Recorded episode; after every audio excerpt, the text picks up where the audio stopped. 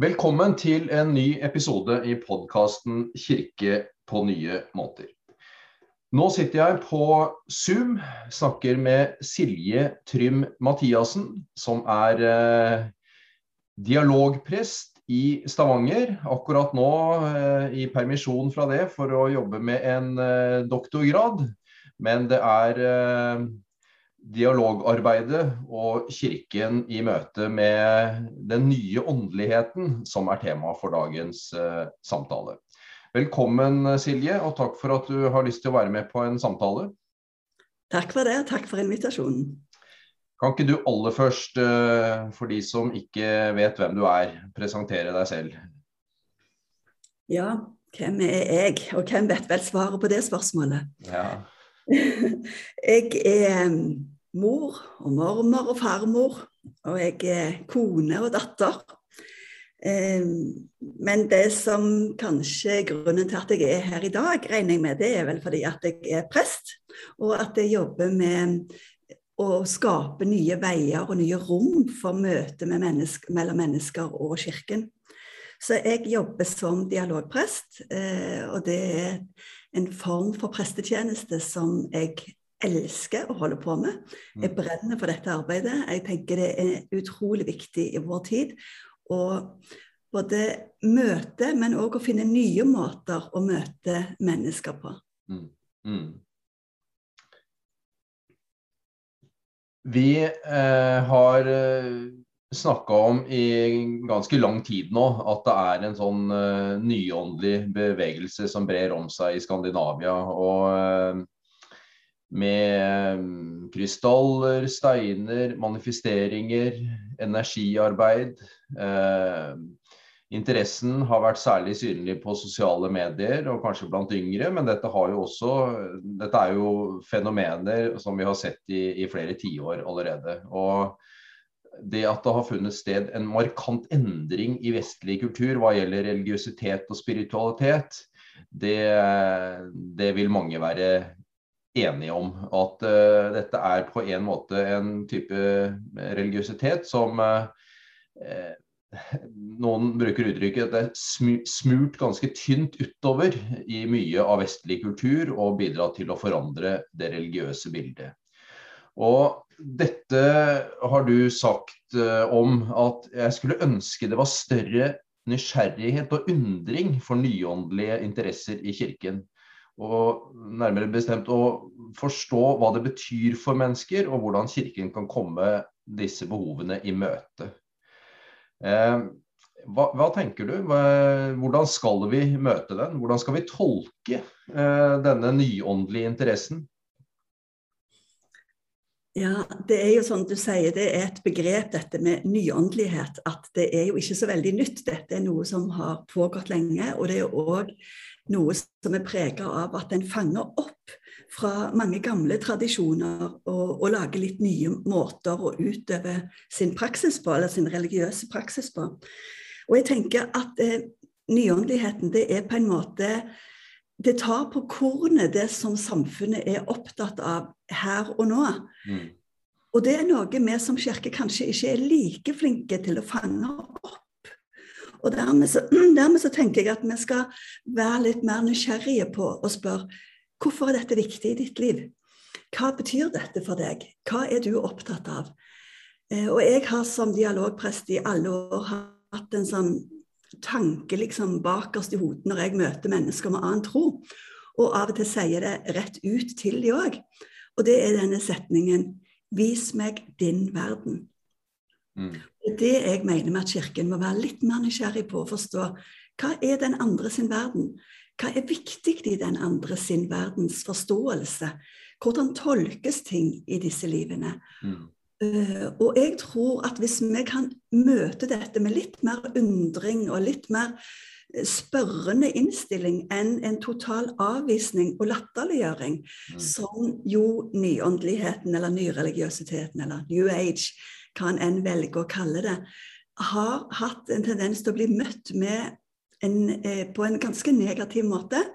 Som eh, en form for overtro, en tro på magi, Eh, en lefling med farlige krefter.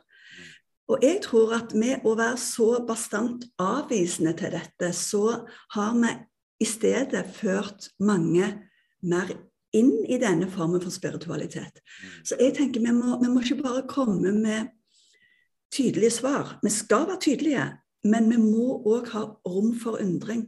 Vi må ha rom for å, å spørre hvorfor dette betyr noe for mennesker. For jeg tror vi har enormt mye å lære som medmennesker og som kirke. Mm. Og så er det òg dette med at nyåndelighet de har òg en veldig sånn nær affinitet mellom eh, kropp og åndelighet. Mm. Det, er disse, det, er ikke disse, veldig tydelige skillene mellom kropp og åndelighet. Og det tenker jeg òg er noe vi kan ta med oss inn. Um, og vi ser òg at i de nyåndelige miljøene er en veldig opptatt av dette med terapi. Uh, hvordan kan vi som kirke få fram at vi har et sjelesørgerisk tilbud, f.eks.? Mm. At det er andre måter som, som vi òg kan møte disse lengslene og disse behovene. Mm. Men ser du noen endringer da i hvordan Kirken møter, uh, møter dette mm, på, i løpet av de åra du har arbeidet som uh, prest? Ja, jeg syns absolutt det er en større åpning eh, mm. bare disse årene jeg har jobbet som prest. Eh, men jeg tenker òg fra, fra, min egen tid, fra jeg var konfirmant. Mm. Jeg satt husker med så mange spørsmål eh, om, eh, som gjaldt f.eks. religiøse erfaringer. Eh, hvor jeg ble litt sånn avspist med at eh, ikke spør om sånt, og sånn trenger vi ikke å snakke om, og det er ikke så viktig. Bare hør nå heller på eh, hva som står i Bibelen, og hva Jesus sa og sånn. Men jeg tenker at vi må klare å knytte sammen teologi, tro og Bibel. Mm. Eh, det er ikke tre forskjellige ting. Uh, og, og, og, vi må ha erfaringsaspektet med her. Mm. Det har til tider blitt liksom skjøvet litt til side, fått en litt sånn stemoderlig behandling, synes jeg, av Kirken.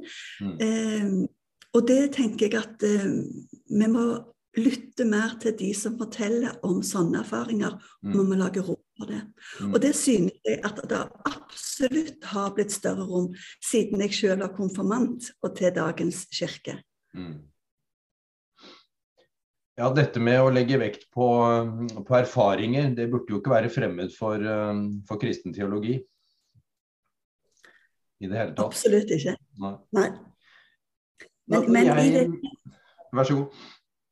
Nei, så I de nyåndelige miljøene så er han veldig opptatt av dette med at eh, det er ikke de ytre autoritetene som er det viktigste, men det er mer en indre, en subjektiv sannhet. Eh, og det kan òg gå for langt den veien. Det, jeg ser absolutt farene ved det. Men jeg tror òg vi har noe litt å lære på det.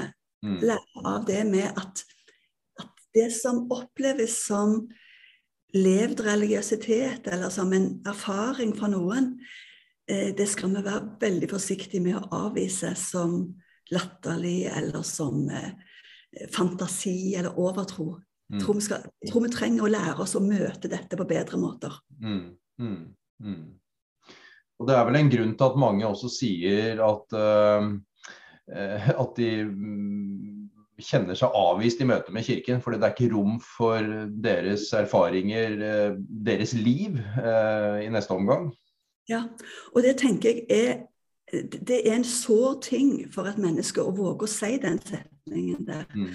Og vi som kirke er jo veldig opptatt av hvordan kan kirken være relevant for mennesker i vår mm. tid. Men jeg liker å snu det spørsmålet andre veien, jeg. Og spør hvordan kan mennesker være relevante for kirken? Mm, mm. Og hvis mennesket sjøl ikke føler at det er relevant for kirken, mine erfaringer, mitt liv, min levde religiøsitet Hvis de opplever at det ikke er viktig for kirken, eller ikke blir tatt på alvor, det er klart at det mennesket føler seg ikke velkommen mm. i kirke. Mm. Når jeg nærmer meg det, dette her fra, fra det stand, synspunktet jeg har, da, eller med, med metodistkirken, så tenker jeg jo at eh, at en del av den nyåndeligheten har lært oss noe som både er viktig og riktig, om ikke bare å betrakte mennesker utenfra, men at en i mye større grad, tror jeg, enn eh, i mye eh, av vår teologi, eh, våger å gå inn i mennesket og se at det som er i oss, det, det, er ikke bare syndig ondt, men at det også finnes en masse spennende i oss som det går an å eh, bruke konstruktivt, kreativt, utvikle. Eh, til beste både for oss selv og for andre mennesker. Og Sånn sett så tenker jeg at denne opptattheten av eh, både, både, hele mennesket med erfaringsdimensjonen osv., men også det å legge til rette for, for muligheter for vekst og utvikling, er eh, egentlig helt nødvendige perspektiver hvis, eh, hvis Kirken skal være en eh, ja, relevant partner, da, eh, samtalepartner i det å finne mening og gode liv for mange mennesker i dag. Eh, hva tenker du om det? Absolutt. Jeg tenker det er viktig. Og jeg tenker òg at den utvekslingen er gjensidig. Mm bør i hvert fall være det. Altså mm. Ideelt sett så skal det være gjensidig. At mm. vi begge har noe å lære av hverandre. Mm. Og jeg tenker at Istedenfor at vi skal liksom som kirke føle oss trua på et sånn dogmatisk eller intellektuelt plan, så tror jeg det er bedre og mer fruktbart hvis vi kan lytte etter hjertet i det andre mennesker forteller oss.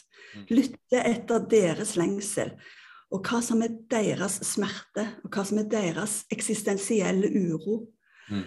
Og at vi kan anerkjenne den andre sin tro, selv om det virket fremmed for oss. Og at vi kan lytte inn til den lengselen som ligger bak det. For det handler ikke bare om at vi skal være enige, men at vi skal møtes med å lære, lære av hverandre. Mm. Og dette med selvrealisering Jeg tenker at vi, er alle mennesker i stand til å, å utfolde oss, og det å bruke oss sjøl som hele mennesker. Mm. Og vi skal ikke bare se på det som egoisme. For det er jo noe av det som eh, nyåndeligheten gjerne blir kritisert for, særlig når det gjelder dette med selvutvikling. Mm. Ah, en blir liksom innkrøkt i seg selv, en blir navlebeskuende og alt dette her. Men jeg mm. tenker at det er et potensial i mennesker som skaperen har lagt i hver og en av oss, som vi må få lov til å utfolde. Eh, og at ved å utfolde det, så, så, handler det ikke bare om å bli et bedre menneske eller en bedre versjon av meg sjøl, men om at jeg da kan bli et bedre menneske for andre mennesker. Mm. For det har ringvirkninger som er så store, og som kan bli så fine. Men det kan òg bli innkrøkt i seg selv. Mm. Men mitt arbeid med det nyåndelige viser at eh, de som er opptatt av selvutvikling, de som er opptatt av å gå den i den retningen i livet, de har mye, mye større, en mye, mye større forståelse av eh, hvem et menneske er. Og en ser mennesket i relasjon til andre mennesker.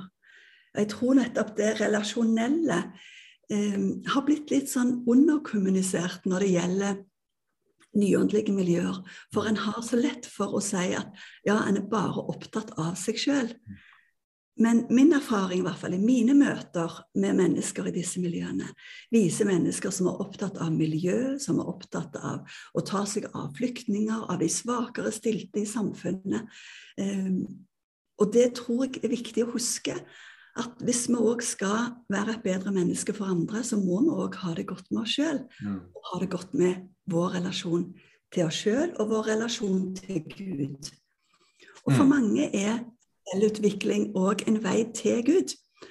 Eh, for noen så blir det bare en vei til seg sjøl, for å si det sånn. Men for mange så er selvutvikling òg en vei til eh, å møte Gud. En utvikling av sin egen tro fra en form for barnetro til voksentro, hvis en kan si det sånn. Mm. Noen vil oppleve dette som kanskje litt truende. Eh, kjenner du deg igjen i det? Så veldig mange sier jo at dette handler om eh, synkretisme, altså religionsblanding. Mm. Eh, og, og, det kan det bli. Det er en fare ved å være i et kulturelt og mangereligiøst samfunn. Mm. Så er det klart at vi blir påvirka av andre religioner. Mm. Eh, men jeg tror at man kan òg vinne så enormt mye. Vi kan tjene så mye på det med å møte mennesker fra annen tro. Eh, en muslim lærer meg om mitt forhold til å bruke kroppen i bønn. Mm. Mye tydeligere enn hva jeg har lært i Den norske kirke. Mm. Eh, en buddhist kan lære meg om verdien av stillhet. Og at vi i kirken òg har skatter når det gjelder meditative praksiser. Men for meg var det en buddhist som viste meg dette. Mm. Og det nyåndelige de kan lære meg om veier inn i mystikken, eh, og òg verdien av eh, hva et menneske er. Og humanetikeren lærer meg om eh, kritikk. Eh, det at Kirken òg må ta kritikk for en del av sine handlinger, og, hva, og verdien ved å være menneske. Så jeg tenker at ja, det er farer for at vi kan bli påvirka, og at vi kan blande sammen. Men jeg tror at religionsdialog Eller for min del så handler religionsdialog om å være veldig tydelig på hva jeg sjøl står for. For jeg tror at hvis jeg sjøl er tydelig på hva jeg står for, så skaper jeg et rom av trygghet hvor vi kan være uenige sammen. Men det skaper et rom av trygghet. Hvis jeg er utydelig på mine egne grenser, blir det òg vanskeligere for den andre å komme meg i møte og mm. våge å være åpen. Så jeg har tro på tydelighet og romslighet. Mm. Nettopp mm. for å unngå religionsblanding. Veldig interessant å høre på deg. og Jeg tenker litt sånn eh, Jeg tror jeg egentlig er min, eh, min opplevelse eh, også. At det å være i kontakt med, enten gjennom å studere eller uh, i personlig kontakt med, med, folk som tilhører andre religioner, andre livssyn, uh, så, er, så, kjenner jeg ofte på at jeg liksom blir slått av at her er jeg i møte med noe som både er autentisk og ekte, og at det er en innsikt her som jeg kan lære av.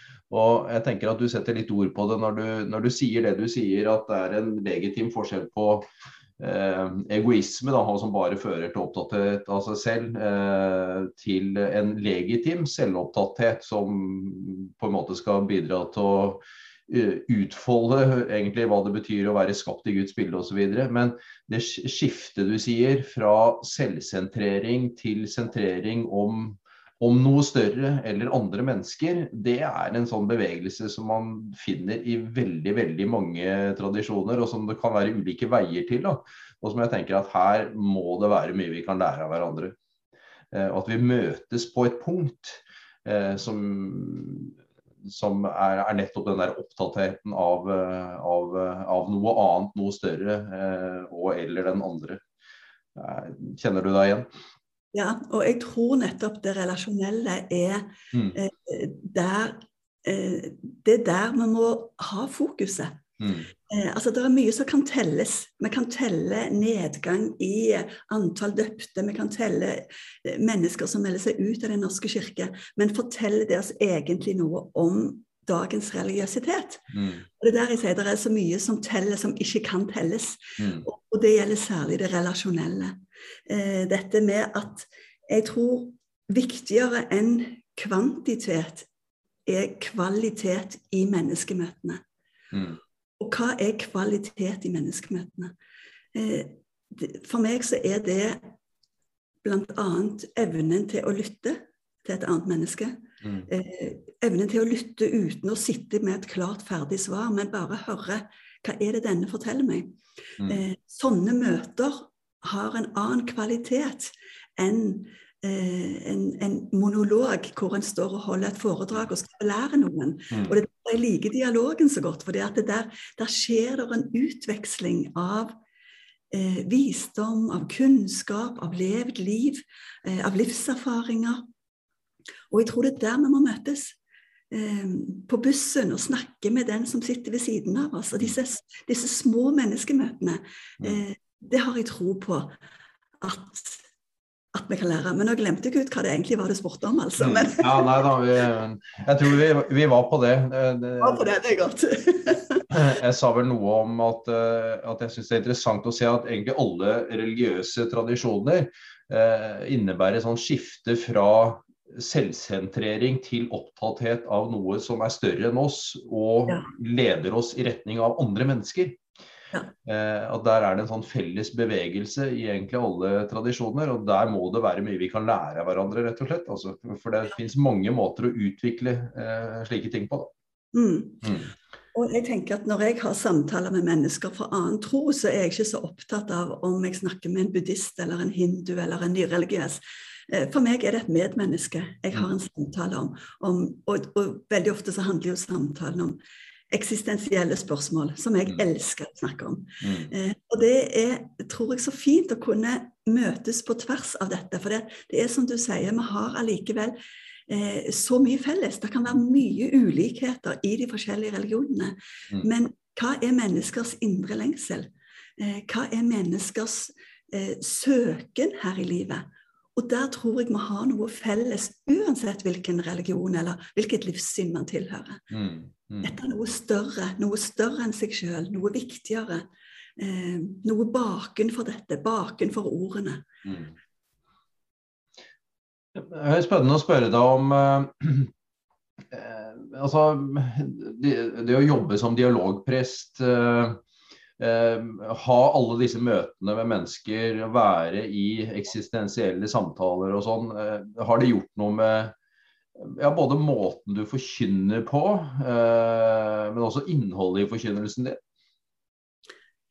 Ja, det er klart. Jeg tror at ethvert møte med mennesker, det påvirkes. Mm.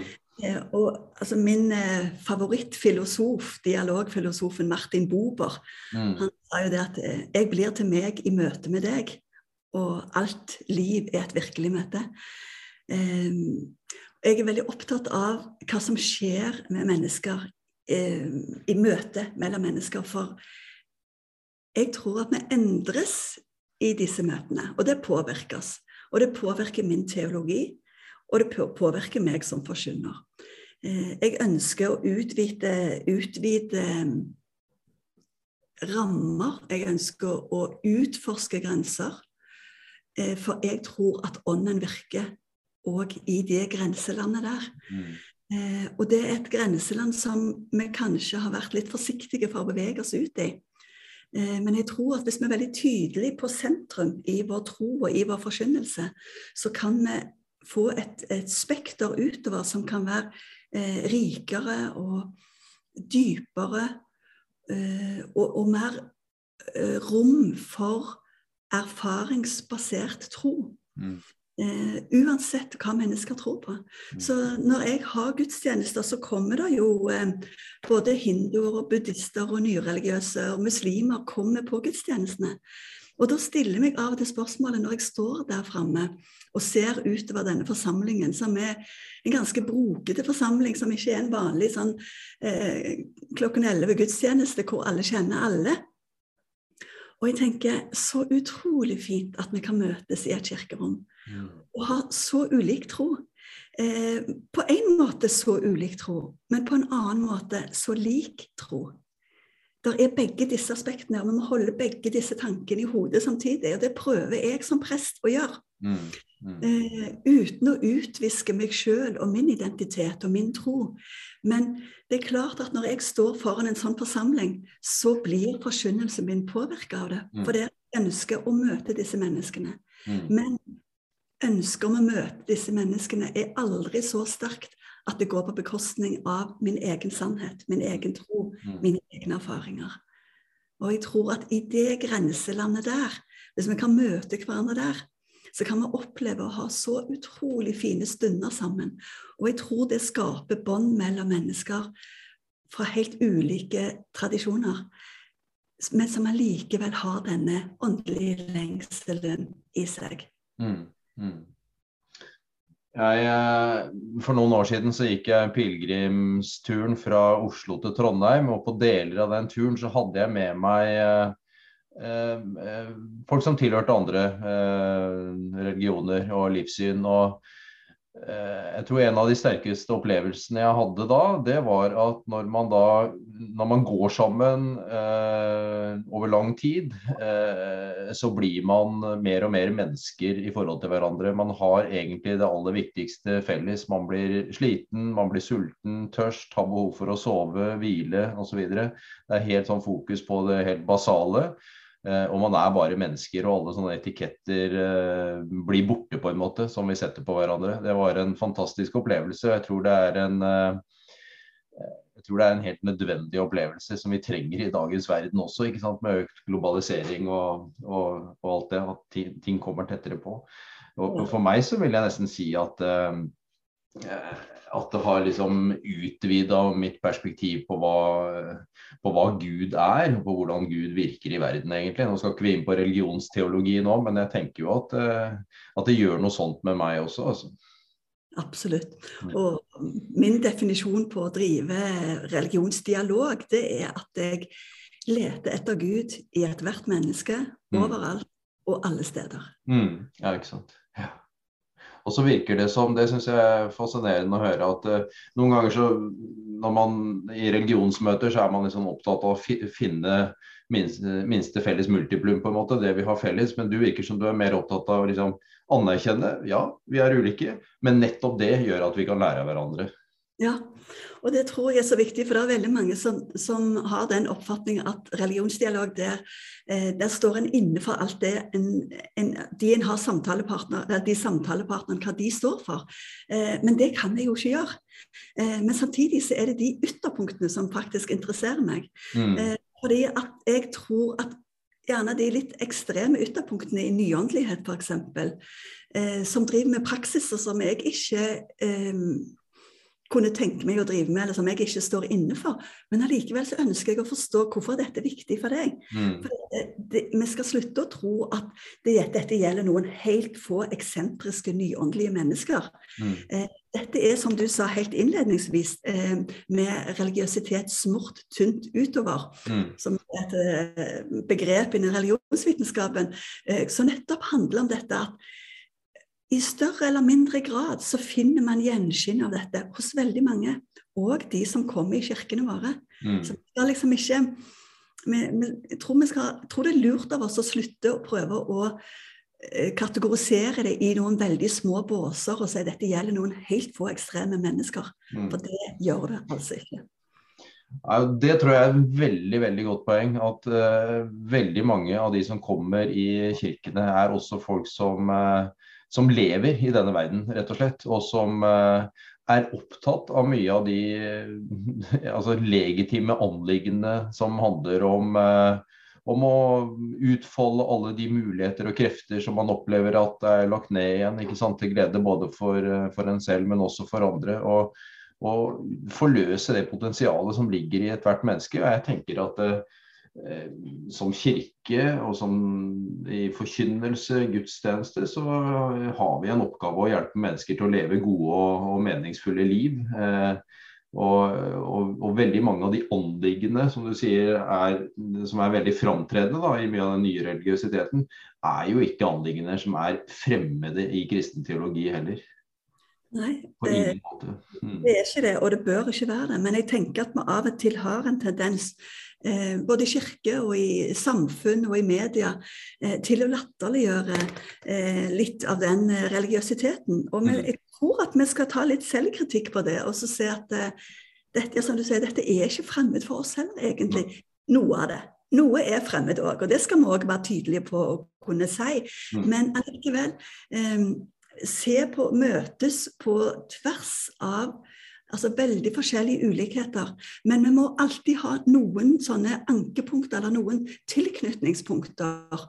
Eh, og de tilknytningspunktene, de må vi klare å finne. De må mm. vi lete etter. Mm.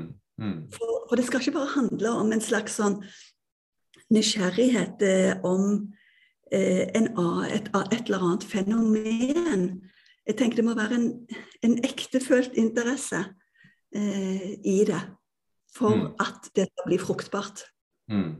Mm. Silje, tusen takk for en uh, spennende samtale. Uh, jeg har lyst til å si takk for den jobben du uh, gjør også. Så, og de innsiktene fra det som du formidler inn i kirken. Du har jo av og til sagt noe i Vårt Land, og du har sikkert en del undervisning og det du har bidratt med her også, som, som jeg tenker er, det er viktig. også. Og, sammen med noen andre miljøer, så tenker jeg at liksom de, de, som jobber som dialogprester og jobber i det landskapet som du jobber i, eh, representerer noe av liksom kirkens førstelinjetjeneste, faktisk, i forhold til det, det, samfunnet som vi skal leve og virke i, og som vi skal forkynne evangeliet på en, eh, på en troverdig og aktuell måte inn i. Så tusen takk for praten, og lykke til med doktorgradsarbeidet. Takk for at jeg fikk komme. Og så har jeg bare lyst sånn helt avslutningsvis å bare si noe om en måte vi kan møte dette med litt mer nysgjerrighet og undring, er jo med at vi kan se på eh, andre religioner eller nyåndelighet som en slags eh, blessing in disguise, altså en slags velsignelse i forkledning til Kirken. Mm. Eh, for, vi, for Kirken, sånn at vi kan lære noe av hverandre, og at den læring eh, kan være gjensidig det håper jeg at vi skal ha mot til å gjøre, og kraft til å gjøre. Takk for den. En eh, god avslutning på samtalen. Takk skal du ha igjen. Takk for meg.